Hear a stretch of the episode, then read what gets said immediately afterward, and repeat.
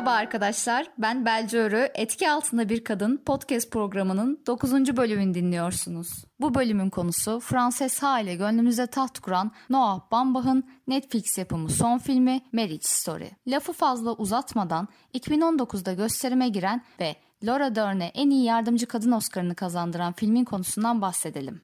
Ama bir dakika. Ondan önce filmi gerçekten sevdiğimi söylemem gerekiyor. Zira birazdan filmin iyi yönlerini tek tek sıralayacağım. Film boşanma sürecine giren ve bir çocuk sahibi çiftin evliliğini konu alıyor. Filmin başrol karakterlerinden Adam Driver'ın canlandırdığı Charlie, New York'ta avantgard tiyatrolar sahneye koyan bir yönetmen. Scarlett Johansson'ın hayat verdiği Nicole karakteri ise bir zamanlar Los Angeles'ta gençlik filmlerinde rol almış. Charlie ile tanışınca ise New York'a yerleşmiş ve onun tiyatrolarında oyunculuğa devam ediyor. Nicole ve Charlie birbirini sevse de zamanla aralarındaki sorunlar büyüyor ve ilişkideki denge kayboluyor. Bu programı yapı bozumu uğrattım arkadaşlar. Bildiğiniz üzere programın sonunda puanlamayı yapıyorum ama Marriage Story için bir istisna yapalım. Benim bu filme puanım 8. Genel anlamda beğenilse de filme yönelik çatlak sesler de çıkmadı değil. Elbette bir filmi sevenler olduğu gibi beğenmeyenler de olacak. Önemli olan neden sevdik ya da neden sevmedik sorularını cevap verebiliyor olmamız. Filme yönelik olumsuz eleştiriler daha ziyade bu filme özen kılan ne var? Daha önce çok daha iyi örneklerini izlediğimiz sıradan bir ilişki filmi işte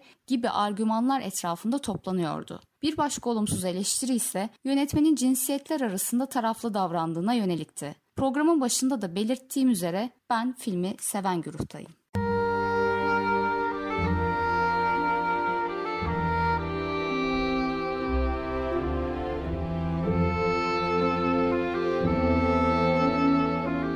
Film neden iyi? Filmin başarısının altında yatan en önemli sebep filmdeki her unsurun iyi bir harmoni oluşturması ve birbirini dengelemesi. Dolayısıyla Marriage Story bir yönetmen filmi değil. Bu film senaryosuyla, oyunculuk performanslarıyla, sinematografisiyle sağlam bir iş. Filmdeki unsurları dengede tutan ise kesinlikle filmin senaryosu. Sonu en baştan belli, basit bir konuya sahip olsa da hatta sürpriz bir son vaat etmese bile geçen her dakikada biraz daha derinleşen ve su gibi akıp giden bir senaryo var elimizde. Film için yaratılan her karakter ilmek ilmek dokunmuş adeta. Yanlışları ve doğrularıyla oradalar. Kadın erkek ilişkileri üzerine çok gerçekçi analizler mevcut filmde. Diyaloglar ise öğüt veren üst perdeden bir tonda değil de samimiyetle yazılmış. Hem Driver'ın hem de Johansson'ın performansı üst seviyede. Ordudan bir bisiklet kazası geçirmesi nedeniyle ayrılmak zorunda kalan Driver yaklaşık 10 yıldır sinema sektörünün içinde olmasına rağmen oyunculuk başarısını Coen kardeşler, Scott Burns gibi önemli yönetmenlerin filmlerinde kaptığı başrollerle çoktan kanıtladı. Bu filmden oyuncuların başarısına yönelik bir sekans paylaşalım. İki karakterin Los Angeles'ta Charlie'nin evinde yaptıkları kavga esnasında birbirlerine söyledikleri kırıcı sözlerin ardından Charlie'nin Nicole'in karşısında iki büklüm olması, ayaklarına kapanması gerçekten çok etkileyici bir sekanstı. Her iki oyuncu açısından da bunu söylüyorum. Her iki oyuncunun performansı da üst düzeydeydi. Johansson ise şimdiye kadar birçok filmde oynamasına rağmen Lost in Translation haricinde benim hafızamda yer etmiş bir oyunculuk performansı yoktu. Daha ziyade fantastik filmlerin seksi kadın karakteri olan oyuncunun bu filmdeki performansı ne kadar yetenekli olduğunu da açıkça gözler önüne seriyor. Üstelik kendisi yine 2019'da gösterime giren Tavşan Jojo'da da oldukça iyi iş çıkardı. Yan karakterlere parantez açmak lazım. Özellikle de Laura Dern'e. Filmde Nicole'in avukatını canlandıran Dern performansıyla göz dolduruyor.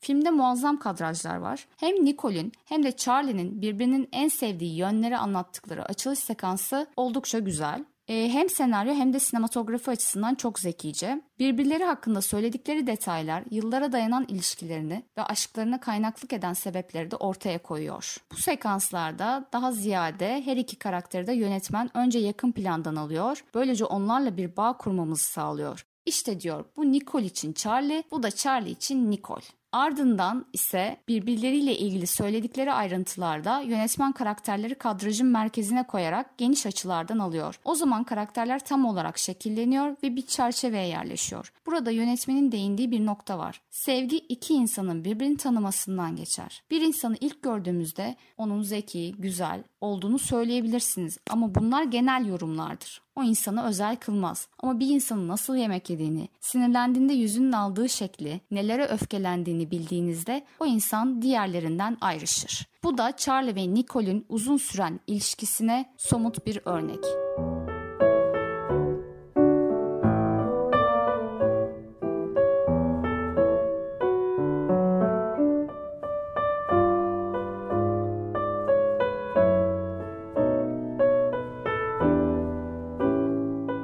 Charlie'nin sevdiğim yönleri. Charlie korkusuzdur. Başkalarının fikirlerinin veya herhangi bir zorluğun kendisine engel olmasına izin vermez. Charlie sanki acelesi varmış ve herkese yetecek yemek yokmuş gibi yer. Mideye indirilecek sandviç resmen eziyet çeker. Ama acayip tertiplidir ve düzen konusunda ona güvenirim. Enerji israfına karşıdır. Aynaya pek sık bakmaz. Filmlerde kolayca ağlar. Tek başına idare edebilir çorap yamayabilir, yemek pişirebilir ve gömlek ütüleyebilir. Nadiren yıldığı olur ki bu benim sıkça yaptığım bir şey. Charlie her türlü ruh halime katlanır. Ne altta kalır ne de kötü hissetmeme neden olur. Harika giyinir. Hiç gülünç gözükmez ki bu bir erkek için çok zordur. Çok rekabetçidir. Babalığı çok sever. Sinir krizleri, gece uyanmalar gibi genelde nefret edilen şeyleri bile sever. Bir başka sahnede ise Nicole ve Charlie'nin kapıyı el birliğiyle itmeye çalıştıklarını görüyoruz. Yanlarında oğulları da var. Aile olmak için çabalıyorlar ama nihayetinde biri kapının bir yanında, öteki de diğer tarafında kalıyor. Burada kamera kapıyı orijin olarak almış, her iki karakteri de simetrik yerleştirmiş. Yine çok zekice. Filmin kapanış sekansındaki kamera açıları da gerçekten güzeldi. Kesmenin az olduğu uzun bir sekans. Ayrıca finaldeki şarkı da filme uygunluğu açısından iyi bir seçim. Senaryoyu serpiştirilmiş hoş detaylardan devam edelim. Mesela ben Charlie'nin hakikaten tiyatro yönetmenliğinde bir dahi olduğuna inandım. Avantgard bir yönetmen, daha önce belirttiğimiz gibi. Oyunlarında izleyicilerin burnuna gerçekten kızarmış ekmek kokusu gelebiliyor mesela.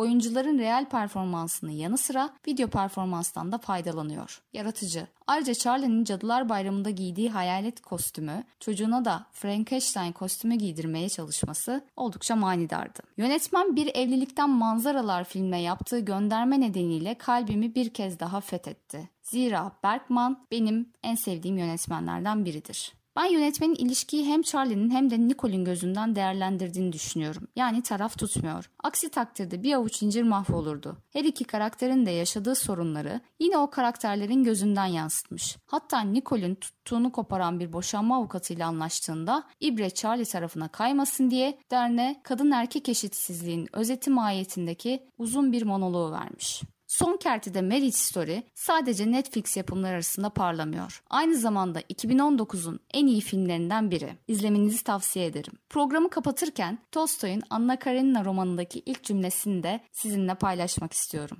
Filmi izlediğimde aklıma düşen cümlelerden biriydi. Mutlu aileler birbirine benzerler. Her mutsuz ailenin ise kendine özgü mutsuzluğu vardır. Bir başka programda görüşmek üzere. Hoşçakalın.